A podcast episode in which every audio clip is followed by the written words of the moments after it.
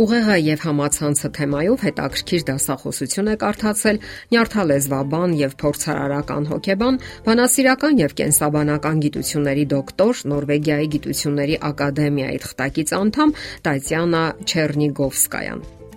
Այն վերնագրված է այսպես. Ինչպես է համացանցը փոխել մեր ուղեղը։ Այդ դասախոսության ժամանակ նա հերքել է ուղեղի աշխատանքի մասին տարածված կարծրատիպերը եւ պատմել, թե ինչու Google եւ on-line կրթությունները այնքան էլ օգտակար չեն, ինչպես կարող է թվալ առաջին հայացքից։ Եվ այսպես. Եթե չեք կարողանում փոխվել համացանցից եւ անհաղթահարելի պահանջ եք զգում տեղադրելու ձեր նկարները Ինչ կարելի է մտածել այս մասին։ Դուք ցանկանում եք Facebook-ում ցուցադրել ձեր բարեձև մարնակազմությունը, որ մարդիկ հիանան ձեր գեղանի ոտիկներով կամ հոլանի բազուկներով։ Իսկ միգուցե դուք այնքան եք հիացած սեփական բարեմասնություններով, որ պարզապես չեք կարողանում ձեզ զսպել եւ չտեղադրել ձեզ սոցիալական ցանցերում։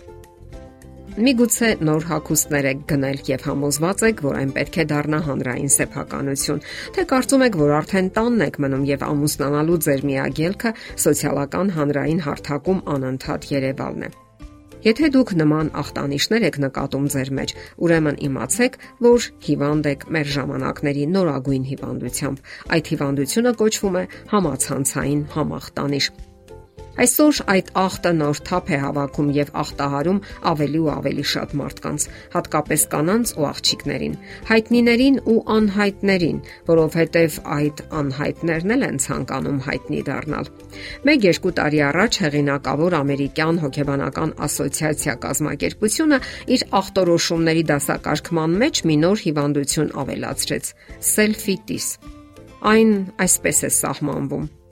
ինքն իրեն նկարահանելու եւ այդ նկարները սոցիալական ցանցերում տեղադրելու համակող անհաղթահարելի ցանկություն։ Հետագայում որոշ հոդվածներում այդ նյութը հումորի վերածեցին, սակայն ճշմարտությունն այն է, որ Շատերը ուղակի չեն կարողանում փոխվել համակարգչի էկրաններից այն դեպքում, երբ դա բոլորովին կապ չունի իրենց մասնագիտական գործունեության հետ։ Մոսկվայի թմրամոլության գիտագործնական կենտրոնի փոխտնօրեն բժշկական գիտությունների դոկտոր Օլեգ Բուզիկը գրում է.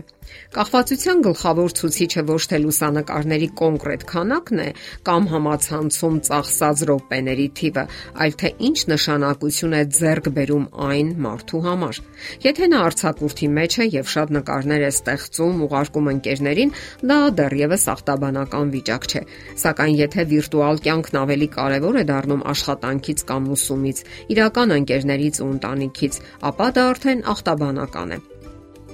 Եվ եթե նա հանուն հաջողված ինքնանկարահանման կամ սելֆիի պատրաստ է վտանգի ենթարկելու իր կյանքը, ապա դա պետք է հնչի որպես զգուշության կոչ։ Շատերն իհարկե ցանկանում են վիճարկել այդ բնորոշումները եւ լուրջ չընդունել դրանք, սակայն գաղտնիք չէ, որ հասարակությունն արդեն լրջորեն անհանգստացած է ինքնանկարահանման ավելի ու ավելի տարածվող մոլությամբ։ Ժամանակակից հոգեբաններն ամենայն լրջությամբ իրենց գործնական աշխատանքներում եւ բառապաշարի մեջ ավելացրել են այդ արտահայտությունը՝ սելֆի համախտանիշ։ Իսկ սելֆիի նպատակն ի վերջո նկարները համացանցում տեղադրելն է։ Ինչպես վարվել։ Այս հարցն այսօր մեծապես գտնվում է ուշադրության կենտրոնում։ Ինչպես հասնել դրան։ Տարբեր եղանակներ կան։ Շատերն առաջարկում են դասական գրականություն կարդալ։ Այն ոչ միայն բարձրացնում է երեխայի մտավոր ընդունակությունը, այլև կարեկցանք, կարգ ու կանոն ու բարություն է սովորեցնում։ Շատերն էլ առաջարկում են հիմնախնդրի հոգևոր կողմը։ Երեխաներին ծանոթացնել Աստվածաշնչյան գեղեցիկ եւ օրինակելի սկզբունքներին եւ ուսանելի պատմություններին՝ ի հակադրություն սելֆի համախտանիշի ասել, որ սելֆին համացանցը կարող են հիվանդագին մոլուցքի վերածվել, սովորեցնել, թե ինչպես պետք է գիտակցել սեփական արժեքը եւ հաղթահարել կենսական հիմնախնդիրները։ Ընդ որում այս ամենով հանդերձ պարտադիր չէ ցանկացած առիթով մեծարել երեխաներին։ Դա ի վերջո հանգեցնում է մեծ ամտության եւ բարձր պահանջմունքների։ Նյու Յորքի սոցիալական հետազոտությունների նոր դպրոցի հոկեբաններ Դեյվիդ Քիդը եւ Էմանուել Կաստանոն հետազոտություններ են անցկացրել այն նյութի շուրջ, թե ինչ ազդեցություն է գործում ընթերցանությունը սոցիալական ցանցերում շփվելու առումով։ Հետազոտությունը ցույց տվեց, որ որոշ դասական գործեր ոչ միայն բարձրացնում են երեխաների մտավոր ընդունակությունը, այլև բարություն եւ կարգապահություն են սերմանում նրանց մեջ։ Սակայն ուրիշ մարդկանց հասկանալու եւ նրանց հույզերը հաշվի առնելու համար հարկավոր է կենթանի շփման փորձառություն, ինչը սոցիալական ցանցերը չեն տալիս։ Այսպիսի փաստ ամերիկյան Common Sense Media ընկերության տվյալների համաձայն դեռահասը միջինում գadgetների վրա ծախսում է մոտ 7.5 ժամ, իսկ կրտսեր դպրոցականը 6 ժամ։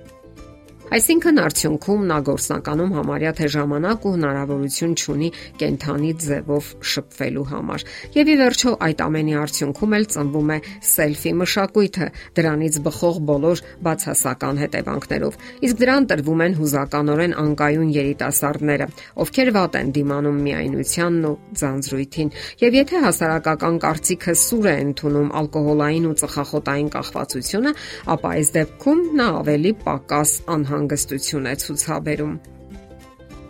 Դե ինչ, փաստերն ավելի քան անողոք են։ Եղեք սթափ ու մի տրվեք 21-րդ դարի այդ վտանգավոր կախվածությանը։ Լինելով օգտակար զենք մարդկության առաջընթացի համար, այն կարող է շրջվել հենց մարդկության դեմ եւ վնասները անդառնալի կարող են լինել։ Հետևեք ինքներդ ձեզ եւ զգուշացեք նաեւ երեխաների համար։ Հիշեք, որ այդ հիվանդությունը խիստ վարակիչ է եւ տարածվում է վիրուսի նման։